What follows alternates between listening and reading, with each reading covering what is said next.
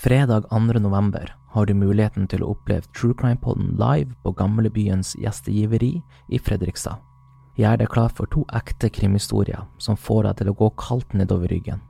True Crime-podden vil lese krimhistorier live fra scenen. Det vil være mulighet til å stille spørsmål etter historien. Billetter kommer for salg på hopla.no. Dørene åpner klokka 18.00. Vel møtt, om du tør. Advarsel. Denne podkasten inneholder skildringer av ekte drap og kriminalsaker som kan være støtende for enkelte. Det advares også mot sterke inntrykk i deler av episoden. Den skumleste tiden på året er her. Den mørke, kalde og mystiske årstiden vi nå er inne i, gjør alt litt skumlere. Den iskalde, friske luften bare den nordiske høsten kan gi oss, setter en perfekt ramme for mørke kvelder og nifse historier.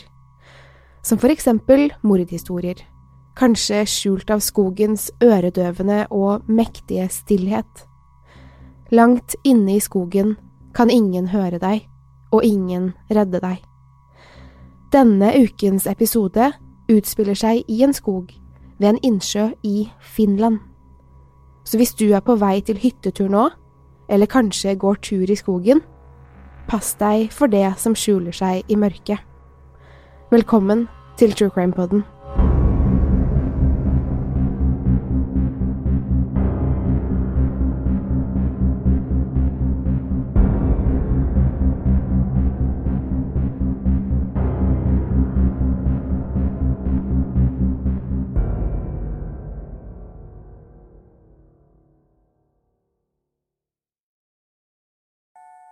Vi skal tilbake til 1960 og byen Espo, som ligger ca. 22 km fra Finlands hovedstad Helsinki. Som en perle glitrer Bodomsjøen mellom mørke trær og naturskjønne stier. Om dagen ble området brukt av familier, venner og turglade mennesker som kanskje ønsket å komme seg bort fra byen og det hverdagslige maset som hører med til jobb, skole og aktiviteter. Området var, og er fortsatt den dag i dag, brukt av folk som drar på telttur, fisker og de som bare ønsker frisk luft og litt stillhet. Bodomsjøen er vakker, men også veldig mørk, mest i den forstand av at noe grusomt skjedde der. Omkranset av åsider og høye gran- og furutrær var fritidsidyllen også stedet for et av Finlands verste trippelmord som fortsatt skremmer unge og voksne på telttur. Mysteriet om det mørke vesenet som angrep ungdommene, har skremt barn siden det skjedde. De to 15 år gamle jentene Miley Bjørklund og Anja Maki hadde lenge vært forelsket i de to kompisene Seppo Boisman og Nils Gustavsson. De var 18 år, ganske kule og kjørte motorsykkel. Jentene syntes guttene var spennende og drømte om å få sitte bak på motorsyklene deres. Etter hvert ble Miley og Anja kjent med Seppo og Nils, og de begynte å gå ut sammen. De danset, gikk ut på kino og kjørte turer med syklene. En dag på slutten av skoleåret spurte Nils og Seppo om ikke Anja og Miley kunne bli med dem på telttur. Guttene lovte å ta med mat, øl, kanskje litt sprit og sigaretter. Jentene ble overlykkelige og sa ja med en gang. Endelig skulle de få være en hel natt med Nils og Seppo. De 15 år gamle jentene forberedte seg godt, avtalte hvilke klær de skulle ha på seg, og hvordan de skulle fikse håret. De lo og snakket om hvor hyggelig det skulle bli med telttur i skogen. På ettermiddagen den 4. juni 1960 ble jentene hentet på hver sin motorsykkel. Stolte og spente ble de med de to 18-åringene. De fikk sitte bakpå hele veien til Bodomsjøen, hvor de skulle tilbringe natten. Nils og Seppo hadde tatt med seg telt og satt det opp mens jentene samlet ved og kvister til bålet de skulle tenne. Selv om det snart var sommer, var det fortsatt kaldt på kvelden og natten, og siden guttene skulle varme mat, var bålet veldig viktig. Anja og Miley prøver å finne de beste kvistene til bålet. Alt skal være perfekt denne kvelden. Bodensjøen glitrer mot dem i det milde forsommerværet. Fuglene kvitrer og fisken vaker, idyllen er fullkommen. Anja og Miley tøyser og ler på vei tilbake til lysningen de skal telte i. Nils og Seppo er ferdig med å sette det opp. Teltet er stort, med plass til fire. Om de ligger tett sammen, og det håper jo jentene på. Guttene setter i gang med å tenne bålet, mens jentene drikker hver sin øl. Solen går etter hvert ned, og luften blir kjøligere. Med varme tepper sitter de to og to, Anja og Seppo og Nils og Miley. De holder rundt hverandre, forteller historier rundt bålet og drikker øl og sprit. Alt er så spennende, så vakkert. Glør fra bålet stiger mot den sorte himmelen før de slukner. Man kan se bålet speile seg i den mørke, kalde sjøen. Fuglene har sluttet å synge, og skogen er helt stille nå. Lenger bort kan det skimtes en lyskilde, kanskje et bål fra noen andre som er på telttur. De er for langt unna til å kunne høres uansett. Resten av skogen er stille. Vannet er stille.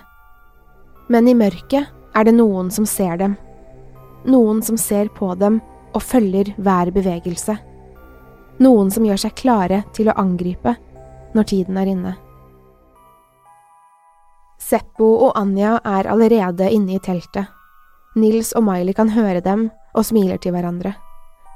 Nils kysser Miley og legger armene sine rundt henne. Miley føler seg trygg, men begynner å bli kald.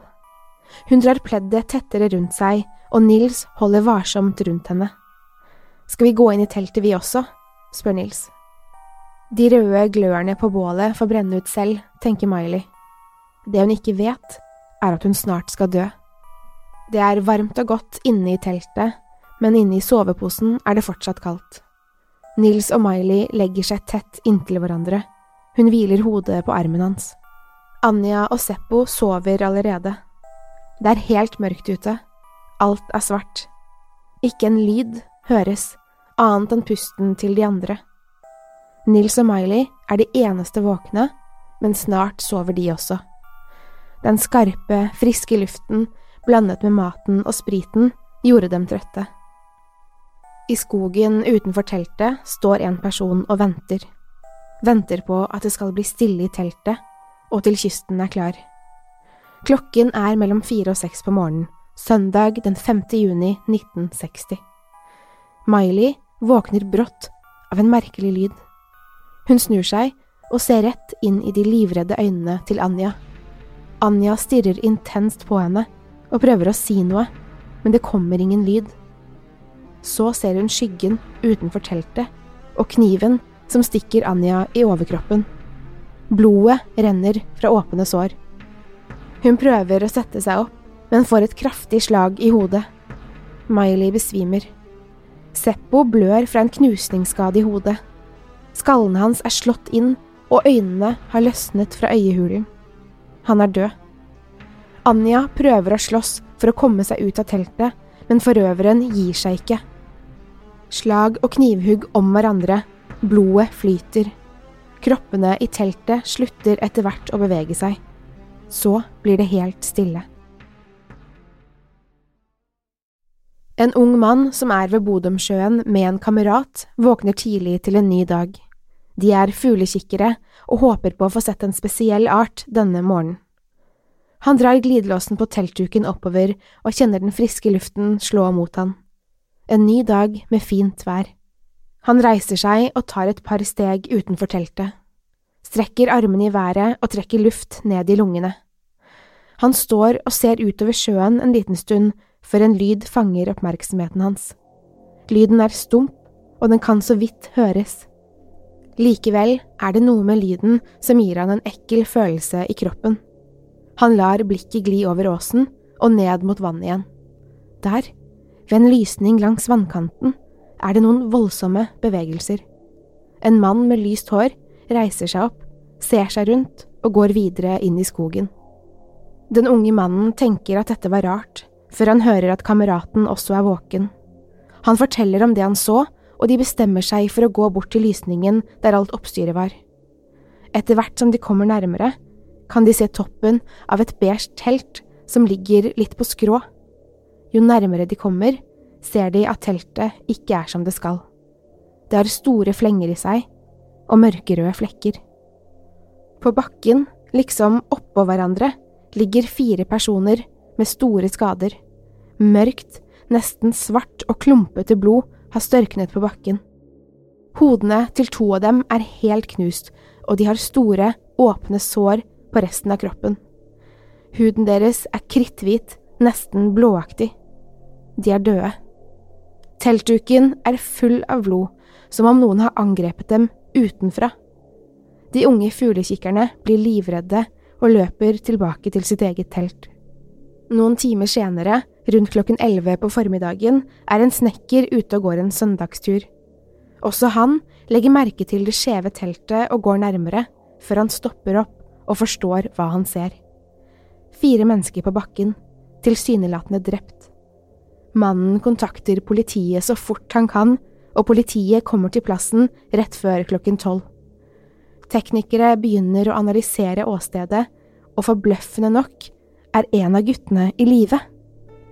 Nils Gustavsson er hardt skadet med brukket kjeve, kuttskader på overkroppen og armene og slagskader i hodet. Politiet vet ikke om han vil overleve dagen med de alvorlige skadene, og stiller han spørsmål om hvem som angrep dem. Nils ser vettskremt ut og griper tak i armen til den ene politimannen. Så forteller han at han så et stort, svart beist med rødglødende øyne. Politimannen forstår ikke helt hva Nils Gustavsson mener med det, men noterer likevel det han sier. Nils Gustavsson blir ført i all hast til sykehuset, hvor han opereres for skadene sine. Heldigvis overlever han, men husker ingenting av det som skjedde ved Bodomsjøen når han våkner, ikke engang å ha snakket med politiet. Politiet setter i gang en stor etterforskning. De finkjemmer området for spor, men kan ikke finne noe som setter dem på sporet av morderen, eller morderne. Politiet konstaterer straks at flere gjenstander mangler hos ofrene. Lommebøker, småpenger og nøkler var borte, mens guttenes motorsykler sto igjen. Var mordet et ran som hadde gått galt? Men da hadde kanskje morderen eller morderne tatt med seg motorsyklene, slik at de kunne fått flere timers forsprang? Ungdommene lå i en haug, delvis dekket av det ødelagte teltet. Teltet hadde store flenger og var flekkete av blod. Miley, Nils sin kjæreste, ble funnet øverst, naken fra livet og ned. Hun hadde flest skader av alle. Hun var nesten ugjenkjennelig. Hun var også knivstukket gjentatte ganger etter at hun hadde dødd, det vil si at det var brukt unødvendig mye vold på akkurat henne, mer enn det som skulle til for å drepe henne. De to andre, Anja og Seppo, hadde også skader, både knivskader og slagskader. Nils hadde færrest og minst alvorlige skader av alle. Politiet mistenkte han ikke på dette tidspunktet, da de fant det vanskelig å tro at han skulle ha brukket sin egen kjeve, knivstukket seg selv og knust flere ben i ansiktet. Men det var påfallende at hans kjæreste var mest skadet. På en annen side kunne det hende at Miley hadde en annen kjæreste som ble sjalu. Politiet finner Nils sine sko lenger inn i skogen, nesten 700 meter fra teltet. De leter etter mordvåpenet, men tror muligens gjerningspersonen eller personene kan ha tatt det med seg, eller kastet det i vannet. Siden ofrene både hadde skader fra kniv eller knivlignende gjenstand, og slagskader, kunne det tyde på at det var to angripere, ikke bare én. Men de kunne ikke utelukke at det bare var én angriper heller. Politiet står helt uten spor. De sender dykkere ut i Bodomsjøen for å lete etter mordvåpenet, uten resultat. Politiet avhører Nils med en gang han våkner. Som nevnt husker han ingenting fra hendelsen. Han blir forståelig nok veldig opprørt når han får høre om at vennene er drept, og ønsker å gjøre alt for å hjelpe politiet. Han lar seg til og med hypnotisere for å prøve å hjelpe hukommelsen i gang. Under hypnosen mener han å kunne se gjerningsmannen, og mener også at det bare var én person som angrep vennegjengen. Personen Nils beskriver, hadde mellomstor nese, store, litt utstående øyne, en bred kjeve og blondt, litt langt hår. På dette tidspunktet har politiet også avhørt de to fuglekikkerne som bekreftet at de også så en mann med blondt hår samme morgen som mordene fant sted. Men hvem var denne blonde mannen?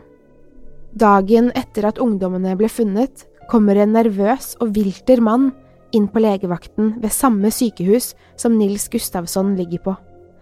Mannen er høy, med nordisk utseende, har skitne hender med svart gjørme under neglene, og klærne hans er fulle av blod.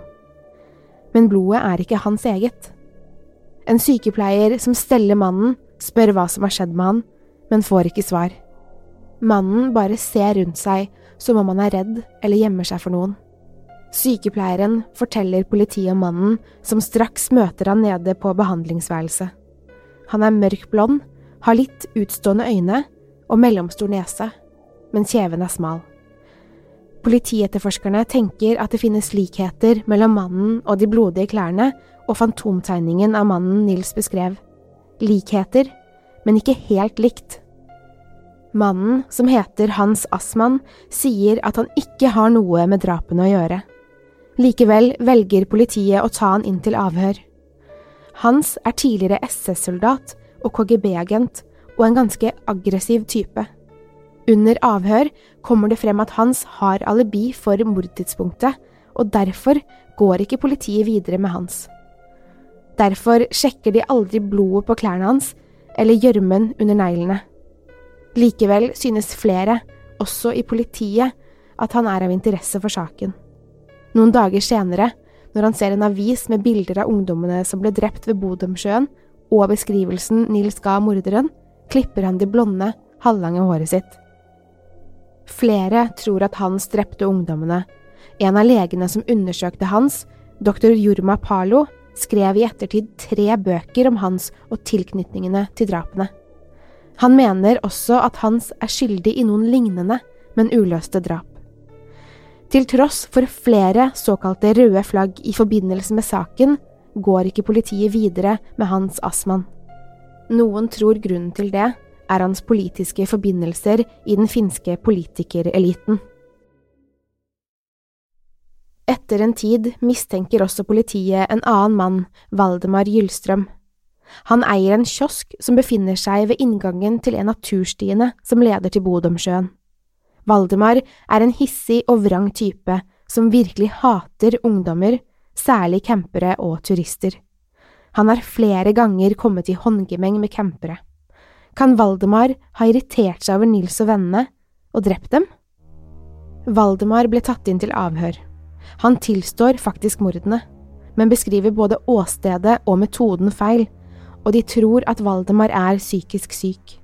Politiet avfeier han som mistenkt, selv om noen mener å ha sett Valdemar komme gående fra samme retning som åstedet var kvelden ungdommene ble drept. Valdemar var kjent for å være voldelig mot campere, og hadde ved flere anledninger skåret ned telt han mente var plassert på feil sted. Likevel gikk han fri for mistanker. I 1969, ni år etter drapene, går Valdemar Gyllstrøm ut i det iskalde vannet i Bodomsjøen. Han går lenger og lenger ut, stopper ikke en eneste gang. Til slutt dekker vannet hele han. Valdemar blåser luften ut gjennom nesen en siste gang. Så drukner han. Hvorfor Valdemar valgte å ta livet sitt, vet ingen. Selv om politiet utad ikke mistenker Hans Assmann, er det han de fleste ser på som mistenkt i saken. Som nevnt ble det skrevet tre bøker om han, hvor forfatteren mener å linke han til mordene ved Bodomsjøen, i tillegg til fem andre mord. Heldigvis har teknologien kommet langt siden 1960. Politiet tok vare på det ødelagte teltet og flere andre gjenstander fra åstedet i håp om å en dag løse saken. I 2004, hele 46 år etter drapene, bestemte en gruppe etterforskere seg for å se på den gamle saken. De sjekker teltet for hår, fingeravtrykk og DNA. Analysene viste at det ikke var noen andre fingeravtrykk eller DNA-spor fra andre enn de fire ungdommene som ble angrepet den dagen. DNA-et var fra Miley, Seppo, Anja og Nils. Ingen andre. Det fikk politietterforskerne til å tenke. Hvis ingen annen hadde avgitt DNA på åstedet, betydde det at det var en av de fire som var gjerningspersonen? Nils, den eneste overlevende, han med færrest skader, ble tatt inn til avhør. I 2004 var Nils Gustavsson 62 år og drapsmistenkt. Han nektet og nektet, men etterforskerne sto på sitt. Skoene til Nils, som ble funnet 700 meter fra åstedet, hadde Anja, Seppo og Mileys blod på seg, men ikke Nils sitt. Og det faktum at Miley, hans egen kjæreste, hadde blitt knivstukket med mange flere stikk enn nødvendig, såkalt overkill, hvordan ville Nils forklare det? Og hans egne skader? Politietterforskerne mente at skadene var selvpåførte. Det vil i så fall si at Nils, da 18 år, skal ha brukket sin egen kjeve, knivstukket seg selv flere ganger og knust flere steder i ansiktet og på hodeskallen. Nils fortviler over anklagene og erklærer seg uskyldig. Likevel går saken til retten. Nils må derfor vitne om det som skjedde den kvelden, som han fortsatt mener han ikke husker. Han husker hva de gjorde før drapene, at de varmet mat på bålet, drakk øl og sprit og satt tett inntil hverandre. Han husket Miley, at hun frøs i den kjølige forsommerluften. Han var forelsket i henne og kjente seg lykkelig den kvelden. Han husker ikke noe mer før han våknet på sykehuset, og har ikke endret forklaring etter alle årene. Den 7. oktober 2005 ble Nils Gustavsson frikjent for alle anklagene. Han fikk en oppreisning på 44 000 euro og er ikke lenger mistenkt for å ha drept vennene sine. Men hvem gjorde det? Var det Valdemar som tok livet sitt og tilsto drapet? Eller var det Hans, den tidligere KGB-agenten som møtte opp med blodige klær dagen etter drapene? Kanskje var det Nils likevel, som utførte det perfekte mordet? Ingen vet, og vi får kanskje aldri vite det. Mordene ved Bodomsjøen er nemlig fortsatt uløste og Finlands mest kjente drapssak. Så hva tror du? Hvem drepte Anja, Seppo og Miley? Har du teorier, innspill eller kommentarer? Send oss mail på post at truecrimenorge.no. Vi legger også denne gangen ut bilder på Instagram hvor vi heter True Crime Norge, og på Facebook hvor vi heter True Crime Podden. Vi forlater Finland og Bodomsjøen for denne gang, og håper at du som går ute i skogen, eller kanskje er på en siste høsttur før snøen kommer, ser dere godt for. Man vet aldri hvem eller hva som skjuler seg i mørket. Til neste gang, pass på dere selv, og takk for at du har hørt på True Crime Podden.